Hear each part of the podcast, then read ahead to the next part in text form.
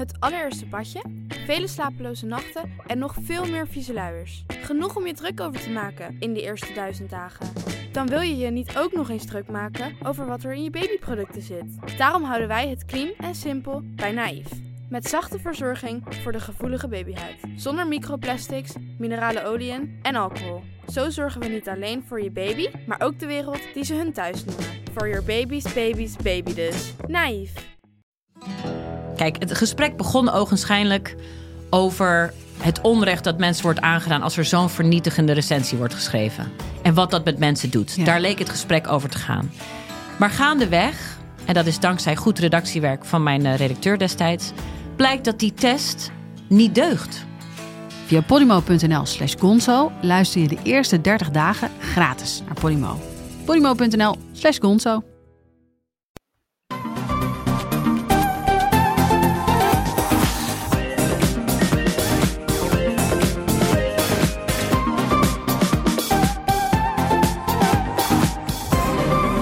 Welkom bij de Bright Podcast van donderdag 19 maart. Tof dat je weer luistert. Vanuit het hele land praten we weer bij over de trending topics in tech. Mijn naam is Floris en aangeschoven zijn Erwin, Joe. Tony Yo. en Rutger. Mooi. We werken allemaal vanuit huis, eh, maar waar zit iedereen? Ik zit in Haarlem. Erwin Amsterdam-Noord. en Tony Amsterdam-Oost. en Rutger. In Winsum. Win wat? Winsum. We gaan het dadelijk ook nog over corona hebben hoor, maar we gaan het ook eh, niet over corona hebben. Hoofdonderwerp vandaag is de hoos aan elektrische auto's die recentelijk eh, zijn verschenen of onderweg zijn. We praten erover met onze automotive-redacteur Rutger. Hi Rutger. Er is een nieuwe Renault Zoe. Eh, de Mini E staat in de showrooms, de MG ZS, de elektrische Seat, Volkswagen, Skoda, de Peugeot, Opel, DS. Goed nieuws dat we opeens zoveel keuze krijgen in elektrische auto's, maar wat is er aan de hand? Ja, die autofabrikanten die hebben natuurlijk een tijd op hun kont gezeten. De Nissan Leaf, die kwam in 2011 al. En het was eigenlijk niet zo'n eh, fantastisch succes. En toen kwam Tesla en die brak allerlei records met hun eh, Model S. En toen hebben ze haast gekregen. En dat was dan ongeveer vijf jaar geleden. En degene die heel snel een ontwikkelcyclus hebben gehad, zoals Jaguar, die hebben dan de, vorig jaar de I-Pace al geïntroduceerd. En alle andere merken die hobbelen er nu een beetje achteraan. En die auto's zijn er eindelijk. En eh, die elektrische Seat, Volkswagen, Skoda, wat is, wat is het verhaal daar? Ja, dat is wel grappig. Je ziet nu opeens veel beter, omdat ze haast hebben gekregen. En al die samenwerkende partijen, die gaan ook veel meer samenwerken. Dus Nissan werkte bijvoorbeeld samen met Renault. Maar de Zoe en de Leaf hebben eigenlijk niks met elkaar te maken. Maar de Volkswagen groep is wel heel erg geïntegreerd. En die hebben dus nu eigenlijk één autootje.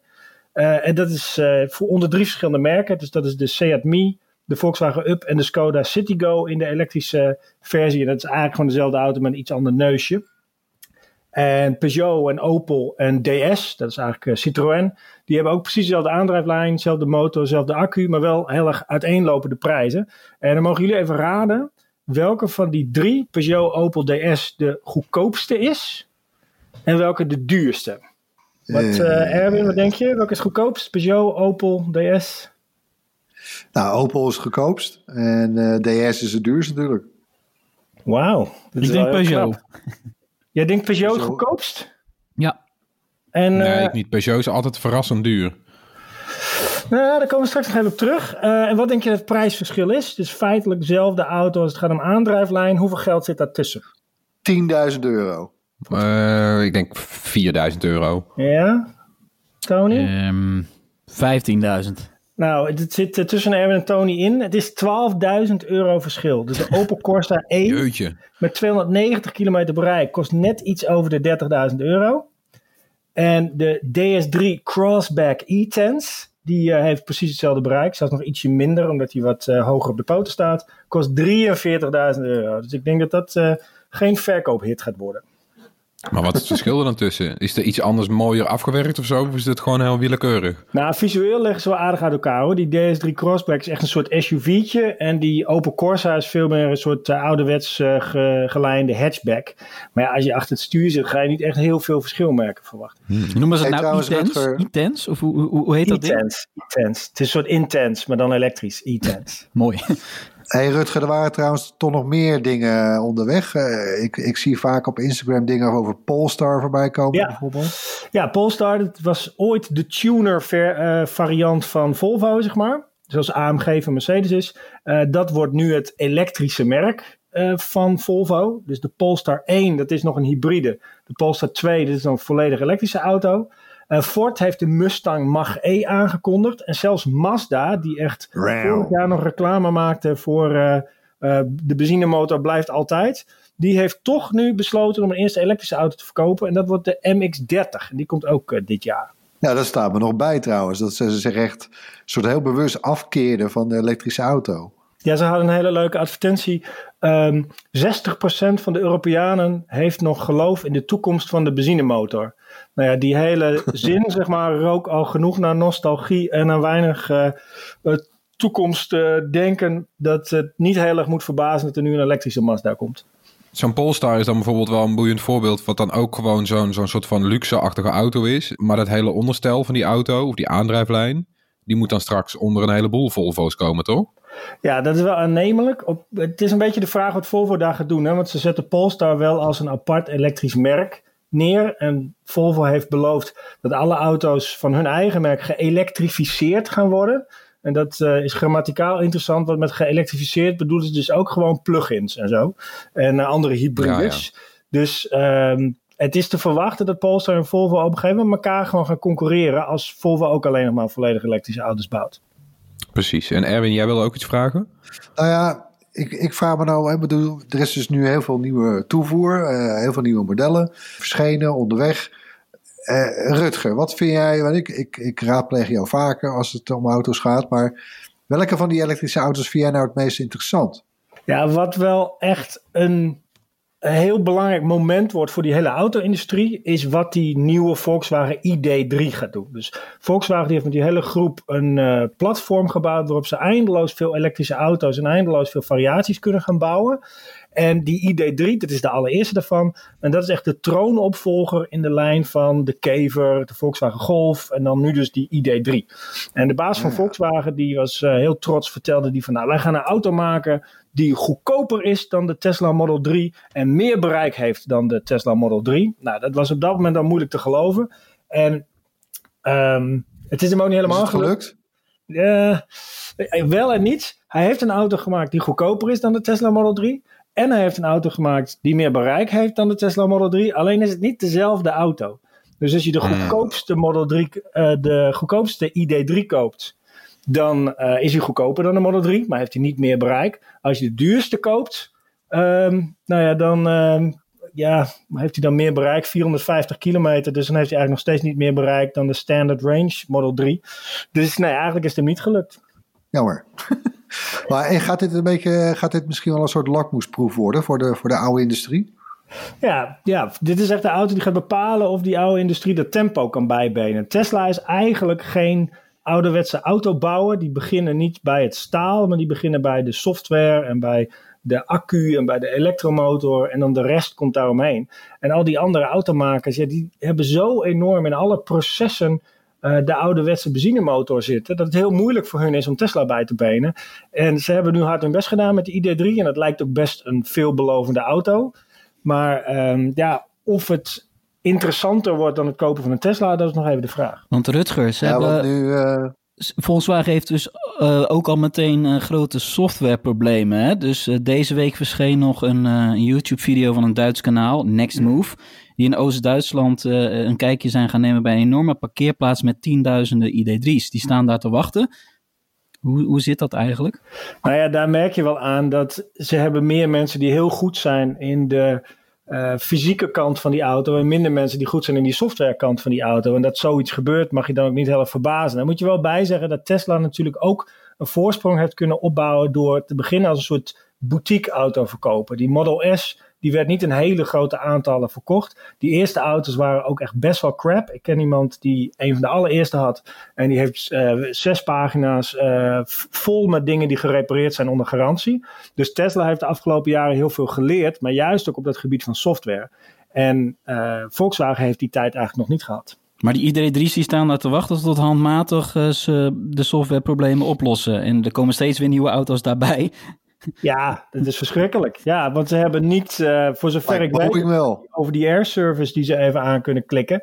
Nee. Dus eh, ze kunnen ze niet even in één keer allemaal een updateje geven. Oh man. Hey, en er komt ook nog de Model 3 van Tesla, de Standard Range. Ja, en dat, is, dat, dat laat wel weer zien hoe ver vooruit Tesla loopt. Want die standard range is al een tijdje in Amerika beschikbaar. Die komt straks ook naar Nederland uh, toe. En dan heb je dus gewoon 500 kilometer bereik voor 43.000 euro. En daar kan die ID3 gewoon absoluut niet tegenop. Dan hebben we ook nog uh, Chinese merken. Die doen ook volop mee in de elektrische markt.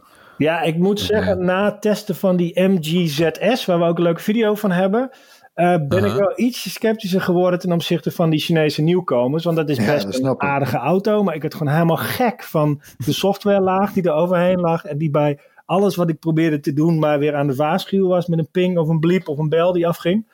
Um, de iWays U5, die moet dit jaar naar Europa komen. Ik heb er een uh, Engelse test van gezien en die waren best wel uh, tevreden erover. Dus ze hebben in China dan ook een soort accu-wisselstations. Dat gaan we in Europa waarschijnlijk uh, niet krijgen. Maar ja, op papier is het wel weer een auto die net als die MG best wel interessant is. Want het is een hele ruime SUV met 335 kilometer bereik en die kost maar 35.000 euro. En als je dat vergelijkt met wat bijvoorbeeld uh, Volvo, Audi en BMW gaan verkopen dit jaar. Um, ja, dat, dat worden echt wel toffe auto's, maar die komen qua prijs echt niet in de buurt. Even een voorbeeldje. Een uh, Audi e-tron Sportback. Dus dat is eigenlijk de auto die we al getest hebben, maar dan met een uh, iets uh, afgeronder kontje. Die kost gewoon 83.000 euro. En heb je 350 Jezus. kilometer bereik. Dus dat is 50 kilometer meer dan die Chinese jongen van minder dan de helft. iWays? en, en Rutger, die, die iWays. Uh, het viel me op in jouw video over die MG. Hè, dat, je, hè, dat is een Chinees merk. En die hebben dus het oude Britse merk MG opgekocht. En dan ja. nou, een beetje, een beetje potsierlijk eigenlijk op die auto geplakt. Ja. iWays, is dat niet de een van de oud-Duits uh, stereo-torenmerk? niet dat ik weet, maar dat zou wel heel mooi zijn. Ja, ik zie Akai, oh, ja. Akai dit of dat. Dat zou wel mooi zijn. Hoe heette dat merk nog maar dat je vroeger bij de kijkshop had? Supertronics of zo, zo'n soort ja. naam. Dat zou echt mooi zijn als ze dat op een, uh, op een auto zouden plakken. nee, maar goed, maar, maar Tesla, Tesla is dus gewoon eigenlijk nog steeds de baas, mogen we zeggen. Ja, nou ja, kijk, ze verkopen natuurlijk maar een paar auto's, maar in alle segmenten waar ze een auto hebben, zijn ze de baas. En straks als die Tesla Model I uitkomt, er zijn net de specificaties van gelekt, omdat de eerste auto's uh, afgeleverd zijn. Ja, die gaat ook weer de beste zijn in zijn segment. En als je kijkt naar Mercedes, Jaguar, Audi, Porsche, die komen allemaal niet in de buurt van de Model S. Uh, met 525 kilometer bereik voor 88.000 euro. En ook die Model 3, die heeft eigenlijk gewoon niet zo gekke veel uh, concurrentie. Hmm. En die Model I is een beetje uh, een soort, hoe noemen ze dat, zo'n SUV crossover, toch? Ja, Kleine klopt. SUV. Ja, en ik denk eigenlijk, als ik kijk naar die afmetingen, het, het enige fundamentele nadeel van die Model 3 voor veel mensen is dat die achterbank gewoon krap is. Dus ik zit ja. met mijn knieën helemaal los van de bank en met mijn hoofd tegen het raam en ik ben 1,83 meter. Dus uh, je kan er niet makkelijk met vier volwassenen lange einden in rijden. En die Model I, ja, die heeft het dak gewoon een beetje hoger, dus die bank is ook wat uh, ruimer. Dus daar zit je gewoon veel beter in. Want dat, uh, zo werkt dat toch, hè? Dus de, de Model X is een hoge versie, een SUV-versie van de S. Ja. En de I is een hoge versie van de 3. Ja, als je achter het stuur zit van een S en een X, dan zie je ook precies hetzelfde dashboard. Alles is exact hetzelfde. En de 3 en de I die zijn anders. Die hebben uh, geen klokken meer, maar alleen één groot scherm in het midden. En uh, dat is inderdaad bij de 3 en de I precies gelijk. Oh ja. ja als je en, wil overstappen op, uh, op, op elektrisch, wat, wat raad jij dan aan? Ja, dat is natuurlijk een beetje lastig te zeggen, omdat je, iedereen zit in zijn eigen prijscategorie. Um, nou, loop ze even langs. Ik loop ze even langs, dat is goed. Uh, als je echt niet zoveel geld te besteden hebt, dan moet je nog even wachten. Uh, dit jaar is er nog geen auto onder de 23.000 euro te koop. Uh, maar volgend jaar wel, de Citroën Ami. Ik weet niet of jullie het ding gezien hebben. Het is een soort overdekte scooter, twee zitter. Ja, schattig. Nog, ja, nog kleiner dan een um, Smart. En het nadeel is dat het niet, niet harder kan dan 45 km per uur. En je hebt maar 70 kilometer bereik. Dus het is voor sommige mensen een vervanger van een tweede auto. Of in plaats van een scooter koop je zo'n ding, zoiets. Maar het is wel echt een heel erg leuk uh, en modern ding. En Lijkt dat een beetje op die uh, Twizy van de Renault eigenlijk dan? Is een soort? Ja, want volgens mij uh, gelden er ook dezelfde regels ongeveer voor. Die Twizy was er als 80 kilometer versie. Dus daar kon je wel een normale weg mee op. maar ook als 45 kilometer variant.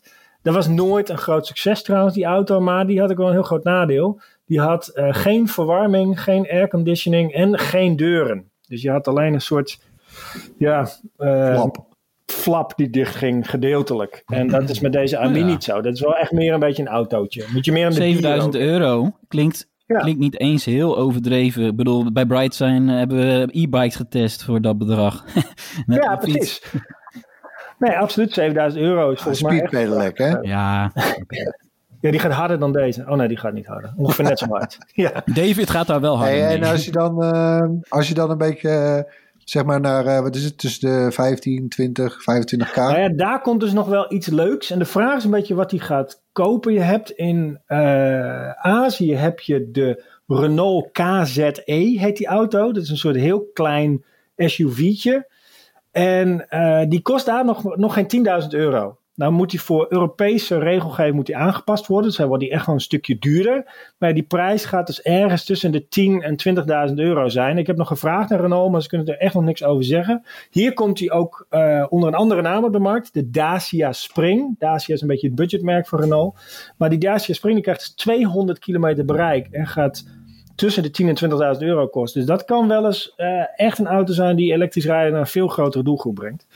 Oh, ja. En heb je nog iets meer te besteden, dan krijg je dus dat eh, Volkswagen Trio. Dus de Seat Mii, de Volkswagen Up en de Skoda Citigo. Die kosten 23.000 euro, 24.000 euro in die gooi. En heb je 200 kilometer bereik. Ja, dat is als tweede auto natuurlijk helemaal prima. ja. Ja, want het zijn wel nog een eh, beetje kleine autootjes, toch?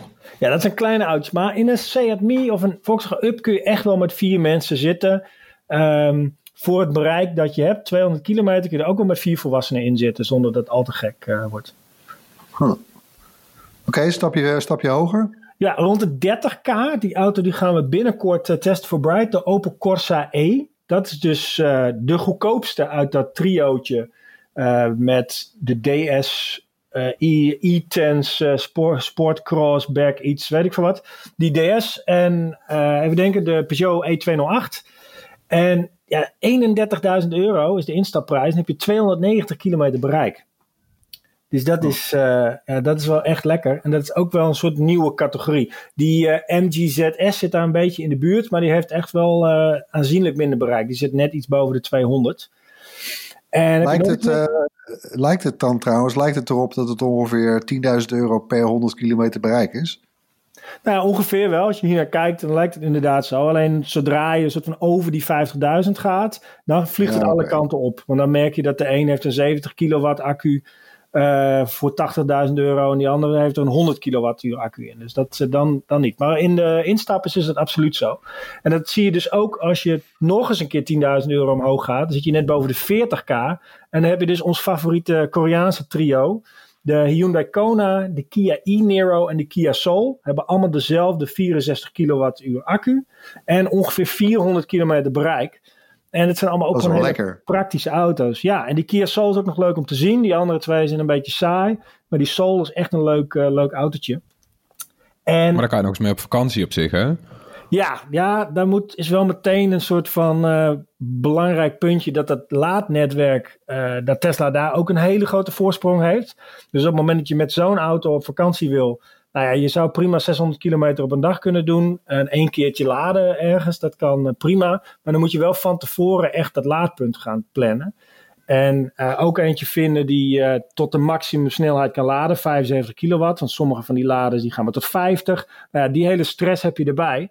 Terwijl als jij dus een Tesla Model 3 koopt, eh, met een beetje minder ruimte op de achterbank, en die standard range kost maar 43.000 euro, dan tik je gewoon op de navigatie in waar je heen wil. En dat ding stuurt je langs de superchargers, waar je gewoon op topsnelheid eh weer laat. En zonder enige stress eh, op je bestemming komt.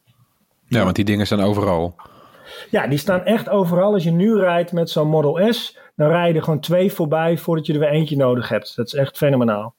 En bovendien weet Tesla precies eh, hoeveel bereik jij eh, over hebt, hoeveel van die laadpalen beschikbaar zijn, wat de laadsnelheid daar is. En die kijkt voor jou gewoon, oh, het is nu het handigst om hier maar een kwartiertje te staan en dan weer door te rijden. Dan geeft hij dat gewoon aan. Dus dat, eh, ja, daar kunnen die andere automakers gewoon nog niet tegen op. En daarom wat is dan wat is het model, zeg maar dan tussen de. Nou ja, ik hoorde je net ook al die magische grens van 50k noemen. Tussen die 40 en 50k. Waar, waar kom je dan op uit? Wat is dan de beste koop voor jou? Ja, tussen 40 en 50 zou ik dus nog voor die Model 3 gaan, denk ik. Ja. Als je de ruimte van zo'n Kia Soul niet nodig hebt. En als je daarboven zit, of is geld geen bezwaar, dan ga je voor die Model S. Dat is gewoon, er is geen automerk die aan het bereik kan komen van die Model S en die dat, eh, die laadinfrastructuur heeft. Ja, Nou, wat, wat ik me tussendoor nog even afvraag is, eh, we krijgen dit jaar ook dan die subsidie en die geldt ook voor tweedehands auto's. Ja, Eh, is, is het al wijs om een tweedehands elektrische auto te kopen? Want dat is weer een heel nieuw verhaal natuurlijk. Nou, ik vond het wel grappig, want ik zit eh, een beetje in de gaten te houden wat de tweedehands Nissan Leaf kost. Van de soort van eerste generatie, maar met de grotere accu. En dan zie je die prijzen nu al instorten. En dat komt volgens mij doordat per 1 juli pas die subsidie beschikbaar is. En eh, dat gaat het wel een stuk aantrekkelijker maken om tweedehands een auto te kopen. Zo'n Nissan Leaf met een 30 kilowattuur accu, dat is niet de mooiste auto om te zien. Maar die brengt je wel 200 kilometer ver. Dus die is eigenlijk voor veel Nederlanders prima bruikbaar. Eh, en die accu's die houden zich ook heel erg eh, goed, ook voor die tweedehands eh, jongens. Hebben vaak weinig kilometers gelopen. Ja, als je daar eh 17, 18.000 euro voor hebt liggen, dan, dan kun je er gewoon nu al eentje kopen. En ik vermoed dat die tweedehandsprijzen misschien nog wat op gaan lopen tegen 1 juli vanwege die subsidie. Maar misschien ook wel niet. En dan zou het naar de 15.000 euro kunnen vallen. Dat is helemaal niet verkeerd.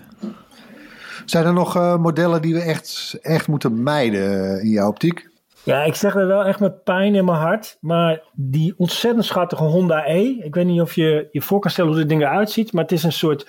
Aan de ene kant heel futuristisch ontwerp. En aan de andere kant heel retro.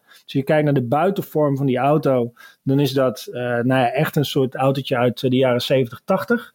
Ehm, maar met hele mooie afwerking van. eh, bijvoorbeeld de grill is gewoon een groot zwart glimmend vlak. Er zitten ook geen spiegeltjes op, maar camera's. En het interieur is echt één en al scherm. Maar ja, dat ding is gewoon ontzettend duur. En ehm, hij heeft bijna geen bereik. Dus, eh, en dat geldt ook voor de Twingo ZE bijvoorbeeld. Die heeft 130 kilometer bereik. Is een ontzettend leuk eh, autootje. Maar ja, 130 kilometer bereik, daar kun je in 2020 niet meer aankomen. Hij ziet er wel Amen. heel schattig uit, hè? Het is een soort cartoon. eh, als je die omschrijft, die Honda E, een soort cartoon eh, autootje bijna met van die Who oogjes. framed Roger Rabbit? Ja, hij is Ja. echt. maar ja, 35.000 euro, 200 kilometer bereik. Ik kan er ook een tweedehands ja. Nissan Leaf kopen met 200 kilometer bereik voor de helft. En dan heb ik veel meer ruimte, want het is ook een klein autootje. En ik kan me voorstellen, want het interieur is echt spectaculair. Met een scherm wat van eh, links voor naar rechts voor helemaal over het dashboard loopt. Dus ik kan me voorstellen dat het echt super leuk is eh, om die auto te rijden. Maar ja, pff, het is echt wel heel weinig. ja, 200 kilometer. Misschien nog even tot slot bij dit punt eh, nog even de tip om jouw driedelige cursus die je onlangs hebt gemaakt over dit onderwerp. Nog even na te kijken op ons YouTube kanaal. Ja, ja, heel goed. Dan, Dan leer je eh, laden, wat er allemaal te koop is. eh, waarom je eigenlijk een elektrische auto zou moeten rijden. Komt allemaal langs. Dus dat is zeker een aanrader.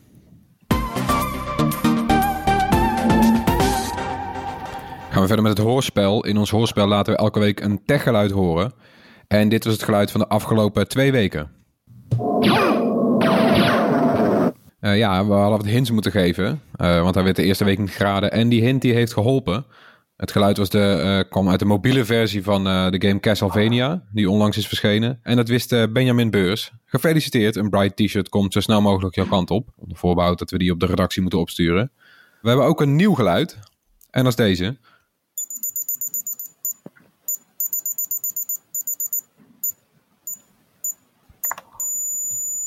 Ja, als je denkt dat je weet wat het is, stuur je antwoord dan naar podcast.bright.nl. Onder de mensen die het juiste antwoord insturen, verloten we zo'n gewild Bright T-shirt. Dan gaan we verder met een rondje kort nieuws. Apple kondigde deze week een nieuwe MacBook Air, een nieuwe iPad Pro en vooral een nieuw Magic Keyboard voor die iPad Pro aan. Eh, eerst even de MacBook Air, die is grotendeels hetzelfde als het vorige model van vorig jaar, maar dan met een nieuw toetsenbord. Eh, weg is dat vlindermechaniek, terug naar de betrouwbare schaarmechaniek. Eh, weet je, dat het vlindermechaniek dat liep vast met zand en stof, daar zouden we nou geen last meer van moeten hebben. Verder zijn de MacBooks iets sneller geworden. Er is een standaard meer opslagruimte in het instapmodel. Die had eerst 128 gigabyte, nu 256. Lijkt me een hele goede zaak. En de prijs is iets gezakt. De MacBook Air is er nu vanaf 1199 euro. Dit is, eh, dit is de Air natuurlijk waar we op zaten te wachten. Hè? Want eh, met, eh, Ja. met die 16-inch MacBook Pro, waar voor het eerst dan eh, dat toetsenbord inderdaad eindelijk is gefixt na jaren ellende, was het ook gewoon wachten op de Air-versie met dat toetsenbord. En die is er nu, dus ik ben, ik ben super blij. En ik Ja, ben ik benieuwd, hè, als jullie een laptopje nemen, wat vind je dan het minimale hoeveelheid geheugen dat je wil hebben? Of sorry, minimale Ja, hoeveelheid twee- opslag die je wil hebben? 2, 256. Ik vond 128 niet kunnen, nee. Nee, dat is echt te weinig. 512 vind ik eigenlijk al een beetje het minimum hoor. Ja, ligt er een beetje aan wat je doet. Het kost Ja. zoveel geld. Die extra gewoon eh, van Precies, 256 naar 512 is gewoon 200 euro erbij of zo. 300 geloof ik zelfs in dit geval. Ja. Maar ik moet wel zeggen, ik vind het fijn dat die instapprijs echt, die er is in twee jaar tijd 150 euro van afgegaan. En ondertussen is dat geheugen verdubbeld. Dus dat vind ik op zich wel Ja. een goede zaak. Je, je kan nu echt gewoon blind het instapmodel kopen en dan zit je op zich niet met een hele karige laptop. Maar ja, cool. Beter. Dus dat vind ik wel vet. Maar het, het, het spannendst eh, in Apple's aankondiging was de nieuwe iPad Pro. Eh het nieuwe model ziet er ook weer hetzelfde uit als het model van twee jaar terug. eh, maar heeft een snellere chip, betere camera en een LiDAR-sensor. Kan je dan de camera mee scannen voor augmented reality. Maar vooral dat nieuwe toetsenbord is heel tof. Daar klik je dan de iPad magnetisch op, de iPad Pro, en die hangt dan een beetje boven het toetsenbord. En in het toetsenbord zit een trackpad voor het eerst. En je zou denken dat dat zou samenvallen met iOS 14, maar ze hebben gewoon komende dinsdag al een update. En daar wordt dan muisondersteuning eh, aan iPadOS toegevoegd. Je ziet, een, je ziet een cursor in beeld, een, een rondje, geen pijltje. Eh, en dan kan je vrijwel alles mee wat je met een, op een Mac ook gewend bent eh, met een muis. Magic Keyboard werkt ook met de huidige iPad Pro. En je kan ook een eigen muis gebruiken. Ja, en ook een los ja. trackpad. Ja, kan je allemaal gewoon eh, met Bluetooth aansluiten. En dat, dat Ja. zou dan gewoon moeten werken. En het lijkt dan een Dus, eh, soort eh, mini iMacje, toch? Eh, zoals hij daarboven hangt te zweven. Weet je wel, ja. Ja. Vanaf de zijkant, ja. Ja. Nou ja, het is, wel, eh, het is wel een duur grapje, hè, die case met, eh, met de Magic Keyboard. Zo. Ja, 300 euro. Hij komt ook pas in mei op de markt. Maar 300 euro, 350 als je de, de 12,9 inch iPad Pro hebt. Dus dat is een hele dure grap. Gewoon Maar er komen ook 1200 alweer, eh, euro een iPad Pro heb je dan, hè? Ja, ja dus je hebt echt nu de keuze inderdaad. Neem je een iPad Pro met een toetsenbord of een MacBook Air. Is precies dezelfde instapprijs. Ja. Ja, ik, heb de, ik heb die vraag gesteld. Ik, eh, ik was gisteren woonde ik die eh, presentatie bij. Eh, ik ontvang beide apparaten vanmiddag. Dus die video's zijn onderweg, eh, mensen. Maar dat was ook precies mijn vraag. Weet je? Want inderdaad, die Air en de MacBook Pro met dat eh, keyboard zijn even duur. Ja, en wie raad je dan eigenlijk wat aan? Wie raad je welk apparaat aan? Nou, daar ik, eh, eh, ik eigenlijk geen normaal antwoord op. Een beetje iets, iets in de trant van ja, het hangt er vanaf eh, waarvoor je het apparaat natuurlijk voornamelijk gebruikt. Dus, dus dan blijft ja, de laptop, de MacBook Air in dit geval, blijft toch wel iets meer het werkpaard. En, en de iPad, wat, wat, wat een veel mobieler apparaat nog is. eh, en en met, met, toch met een, met een touch-first bediening. Eh, nou ja, leent zich meer voor ja, wat, toch wat meer consumptief gebruik. Ja. Maar ja, ik, ik, ik denk dat ik toch eens eh, ga proberen, zeker nu met het keyboard erbij, met het trackpadje erop, eh, of ik die iPad Pro eigenlijk eh, prima als een, eh, als een laptop vervanger kan gebruiken. Want het verschil, nu ook in prijs dus, wordt wel alsmaar kleiner. Ja. wat is het voordeel dan voor jouw gevoel van de iPad Pro als werkpaard? Nou ja, eh, en het ligt het is hetzelfde als een beetje met gevoelstemperatuur, maar eh, ik denk, hey, het, het voelt nog mobieler, dat apparaat. Hè, je, bent, je bent flexibeler. eh, eh, en zeker met zo'n met zo, met zo'n hoest eromheen waar dat keyboard bij zit. Ja, je kan hem ook, hè, je hebt, in twee seconden zet je hem neer als laptop. En is die een beetje slick, die, eh, dat Magic Keyboard? Want ik heb een Logitech hoesje om mijn iPad Nee. Air. En dan is het meteen dikker dan een MacBook Air. Ja, hij is, Ja, hij is heel nee, de Logitech heeft nu ook weer een hoesje eh, voor deze nieuwe iPad Pro. Nee, maar die van Apple zelf is heel, heel, heel fijn. Ziet die eruit. Ik hoop dat ik hem dadelijk erbij heb. Om een idee te geven, bijvoorbeeld ook de toetsen zijn verlicht. Oeh. Eh, dus avonds, eh, ja, het is, weet je, dus op het oog eh, is er amper nog verschil met. Het is eigenlijk alsof je die nieuwe iPad Pro is eigenlijk de MacBook met een touchscreen. Ja. Ja, die 12-inch MacBook is weggevallen en daar is dit eigenlijk ingesprongen. En die iPad die heeft ook echt enorme voordelen. Zoals bijvoorbeeld de, de accuduur. Want die chip die erin zit, die is zo efficiënt eh, en veel sneller dan die chips van Intel. Dat je eigenlijk op, op twee vlakken wint. Je hebt en een enorme batterijduur en hij, hij kan minstens zulke zware taken aan. Hey Floris, die Ja, LiDAR-sensor hè, die er nu- nu in zit Ja. voor 3D-beelden en augmented reality. eh, die, volgens de geruchten zou die dan ook naar eh, iPhones in de toekomst eh, komen. Ja, natuurlijk. Het voelt allemaal een beetje eh, best wel overdreven. Dus ik ben wel aan het wachten op echt goede toepassingen in plaats van je kamer opmeten.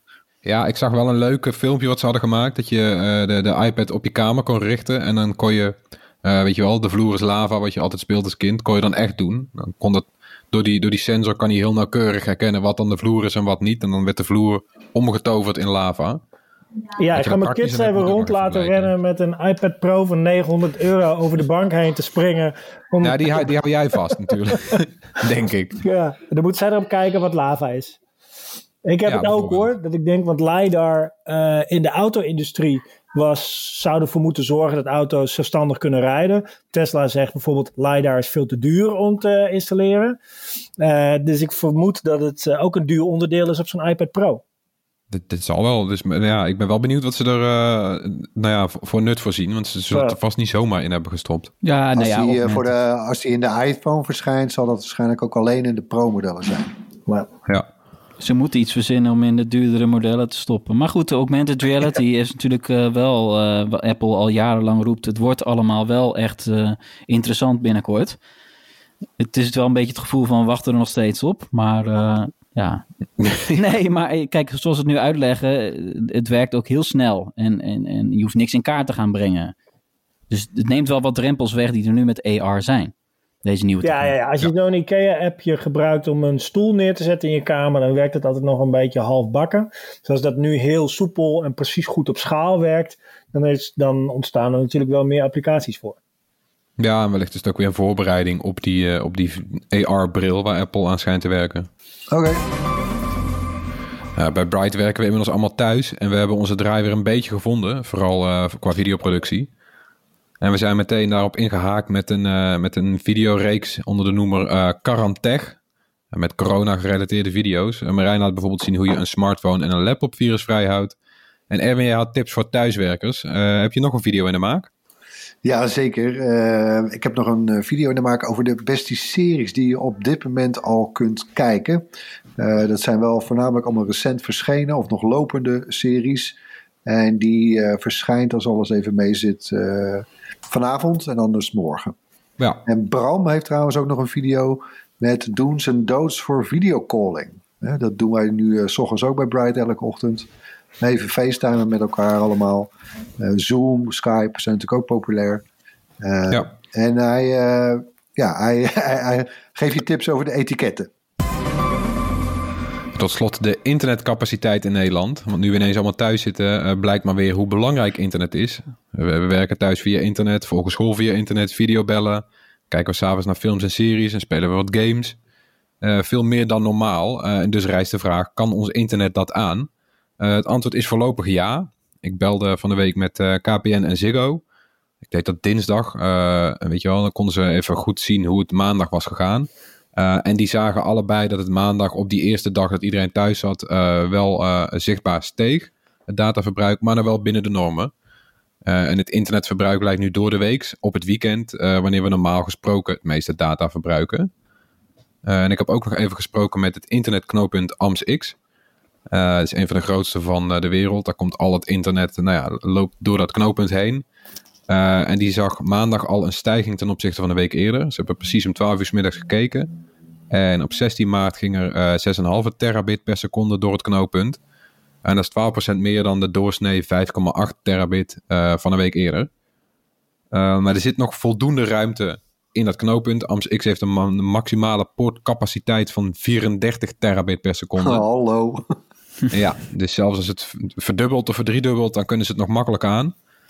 Uh, maar er is maar toch zijn, wel aan uh, Netflix gevraagd om, om uh, niet te veel 4K te gaan streamen, toch? Nee, nee toch. Want dat, dat, ja, dat zet ook echt wel dat, dat, dat zet een hele druk op het netwerk. Dus de EU heeft gevraagd aan de CEO van Netflix: van, kan dat wat minder? willen jullie terugschalen? Ik hoop dat ze Eh, het zon- Nederland aan laten staan. Want ik denk dat dat vooral op Ja. andere Europese landen slaat. Ik denk het wel. Wij hebben, wij hebben qua internet hebben we het altijd al heel goed geregeld. Dus daarom dat die netwerken denk ik nu ook zo goed houden. Sommige andere landen zijn wel capaciteitsproblemen. En in sommige andere landen zien ze bijvoorbeeld ook eh, heel duidelijk dat mensen heel veel Fortnite spelen of zo. De meest noemenswaardige, eh, de meest noemenswaardige piek die we de afgelopen week, eh, eh, die AMS X kon waarnemen. Die had dan eh, hoogstwaarschijnlijk weer te maken met eh, de nieuwe Call of Duty game een gratis eh, Fortnite concurrent. En die werd ineens massaal gedownload. En zagen ze ineens een piekje. Voor de rest eh, lijkt iedereen goed samen te werken om het internet in de lucht te houden. Ja, die netwerken die houden het goed. De mobiele netwerken ook. Gaat, eh, gaat ook gewoon heel, nog redelijk goed. Want er was bijvoorbeeld in Engeland hadden de 4G-netwerken het lastig. Ja, dat is wel een slechte kwestie natuurlijk. Maar in Nederland zijn we eigenlijk wel best wel verwend hè, met eh, internetsnelheden, zowel mobiel als vast.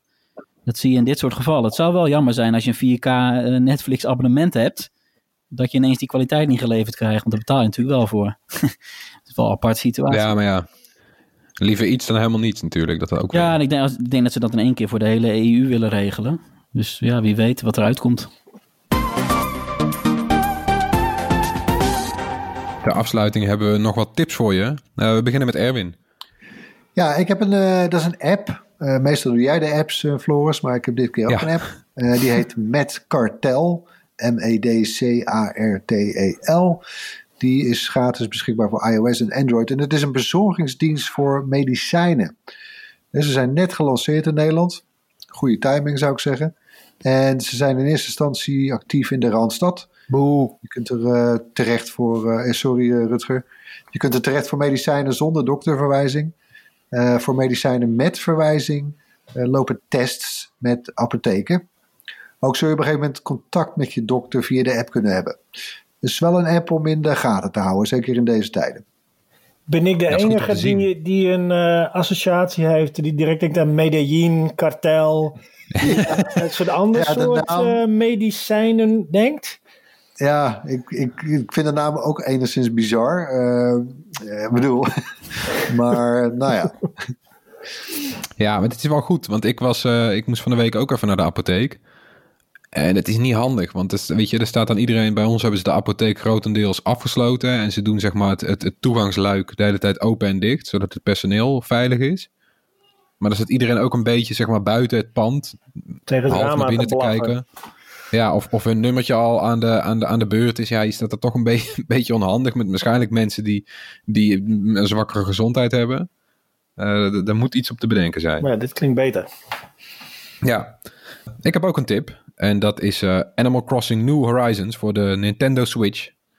Eh, die verschijnt morgen en het is echt de perfecte game om even helemaal te ontspannen eh, en te ontsnappen aan de, de dagelijkse nou ja, gekheid waar we in balans zijn. Maar in die game krijg je een onbewoond eiland. Eh, en dan ga je op je gemak een tentje neerzetten, wat hout hakken, daar kun je wat meubeltjes van knutselen, een visje vangen, je babbelt met de buren. En niks moet, alles is kalm en je bent even helemaal op reis terwijl je toch veilig thuis zit. En op onze site staat een artikel met tips om je op weg te helpen. Eh, alvast één tip uit dat artikel. Probeer die game in het Nederlands, want de vertaling zit vol met hele melige woordgrappen. Ik kijk er naar uit. Ik ben nu wel Ja. benieuwd naar die melige woordgrappen. Ja, ja. Heb je een voorbeeld, Floris? Ja? Eh, ja, wat, wat, wat zei je? Nou, bijvoorbeeld eh, eh, zegt een, eh, een, uil zegt dan van... eh, sorry dat ik wat slaperig ben, ik heb net een uiltje geknapt. Oef. Voor de boel. daar ben, daar Nee, ben dat, ik wel dat voor. is zeg Ja, maar mijn niveau. Dus eh, ja. Ja, lekker. Precies. Ja. Tony, jij hebt ook een tip? Over humor gesproken. eh Jiske Ja. Vet is verschenen op Amazon Prime Video. En eh, dat betekent dus ook dat alle oude Jiske Vet video's van YouTube zijn afgehaald. Eh, dus er is een deal gesloten eh, met Amazon. Waarschijnlijk ook ter gelegenheid van de lancering van de Nederlandse website. Waardoor je nu heel veel materiaal van ja, 15 jaar Jiske Vet humorprogramma, legendarisch, ehm, ehm, kan kijken. Waaronder de Lullo's, debiteuren, crediteuren, Johnny en Willy, de heren van de Bruine Ster en Sint-Hubertusberg. Dat is echt uiteindelijk gewoon tijdloos. Want ik heb daar natuurlijk weer naar zitten kijken. Want anders dan jullie ben ik echt mijn huis niet uit geweest al meerdere dagen. Het is echt een challenge. ook niet hoor. Verbaast Nee. me niks, Tony. Nee, kijk, eh, Floris heeft een hond, maar, maar ik kan echt thuis blijven. Dus ik ben al sinds Maar je hebt toch zondag, wel een supermarkt? ik ben sinds zondag niet meer buiten geweest. Jeetje. Ik ga, ik ga je vanavond. hebt wel, hoor. gehamsterd. Heb je gehamsterd? Nee, zelfs dat niet, want ik ben natuurlijk in mijn eentje. Dus dat valt heel erg mee. Heb je wel gedoucht? Jazeker. Ja, doe ze wel. Eh, ik heb ook wel gegeten, maar dat, salades en soep. Maar goed, we hadden het over Jiske Vet op Amazon Prime. Heel veel mensen waren natuurlijk boos eh, dat je die nu niet meer gratis kan kijken. Want ze hadden een enorm archief op YouTube opgebouwd. En er staan nu nog maar vijf filmpjes van. Maar ook op Amazon is het natuurlijk verre van eh, compleet. Want ik eh, mis bijvoorbeeld eh, Multilul. Dat gaat over een start-up in de Ja. dotcom hype. Fantastisch hè? Die staan er niet Ja, op. En, de dierenwinkel is ook Hidden gewoon... Sound System. Ja, die hidden, Hidden Sound System. als je dat googelt Hidden. trouwens, Hidden Sound System uit de Multidol-serie, dan krijg je een pagina bij Coolblue. Het, Ja, het is wel heel, heel goed mooi. gedaan, moet ik zeggen. Dus eh, wie weet komt Amazon binnenkort ook nog met de rest van het Discovet eh, materiaal. Amazon Prime Video kost trouwens dus eh 3 euro per maand. Heb je dan ook die eh, gratis bezorging voor alles en dat? Of heb je dan alleen Prime Video? Of heb je dan de Nee, hele zit Prime? erbij. Ja, zit erbij. Zit er Oh. allemaal bij? Ja, dat, dat geheel kost 3 euro. Ik haat Ja, Amazon, zeker, maar het is wel echt goedkoop. Maar wees je ervan bewust, hè, wat je doet Ja, als je voor Amazon kiest. Ja, want we hebben het al over gehad in de podcast. En zelfs deze week eh, kwamen er ook weer heel veel eh, klachten binnen van Amazon personeel, met name in Amerika. Ze hebben eh, tienduizenden nieuwe mensen ook moeten aannemen, omdat het wel gigantisch druk is met eh, bestellingen. Dus, eh, maar ja, dat leidt weer, weer toe dat er nu verhalen naar buiten komen dat in de, in de distributiecentra mensen aan het hoesten zijn en dat er geen mondkapjes zijn. En dat wil je allemaal niet weten. Eigenlijk, eigenlijk weer heel erg slecht. Ja. Dus pas ook op als je bij Amazon bestelt, want eh, ja, je weet het niet hè. Met corona door de bus. Ja, Ja, je weet het. Rutger. Ja, Ik heb ook een tip. Ik, heb, ik ben een beetje la- late to the party, maar ik zag dat Call of Duty Warzone uit was. Dus dat heb ik even geprobeerd. En eh, toen ging mijn hart ook weer sneller kloppen. Dacht ik, ja, ik moet die Modern Warfare single player ook maar even spelen. En nou, die duurt niet heel erg lang. Ik heb hem drie dagen uitgespeeld, maar hij is echt zo ontzettend intens. Je bent op een gegeven moment, ja, ik wil niet te veel spoilers, maar laten we zeggen dat je echt door de makers van het spel gestuurd wordt om een hekel te krijgen aan je tegenstander. En als je dan vervolgens mensen om mag leggen, dan voelt het gewoon zoveel beter. Die serie was eh, ooit natuurlijk heel Amerikaans met eh, dit zijn de goeie en dat zijn de slechte. En dat speelt er zo een beetje uit en je wint gewoon de hele tijd en eh, helemaal prima. Ehm, maar nu is het niet meer zo. Nu weet je niet helemaal of je nou de juiste dingen doet en of degene die jou vertelt wat je moet doen, of je die kunt vertrouwen of niet. Dat is al een tijdje zo. Dat is echt heel erg intens. En het schieten met de wapens in die game is echt ontzettend lekker. Die geluiden kloppen gewoon echt. Dus ja, daar ga ik echt goed op. Eh, die Warzone levert mij wat te veel stress op. Maar die multiplayer ga ik nu wel even proberen. bedankt weer voor het luisteren. Laat gerust iets van je horen. Mail naar podcast.bright.nl of zoek ons op op Twitter, Facebook of Instagram. En download onze app. Tot volgende week. Bye. Two.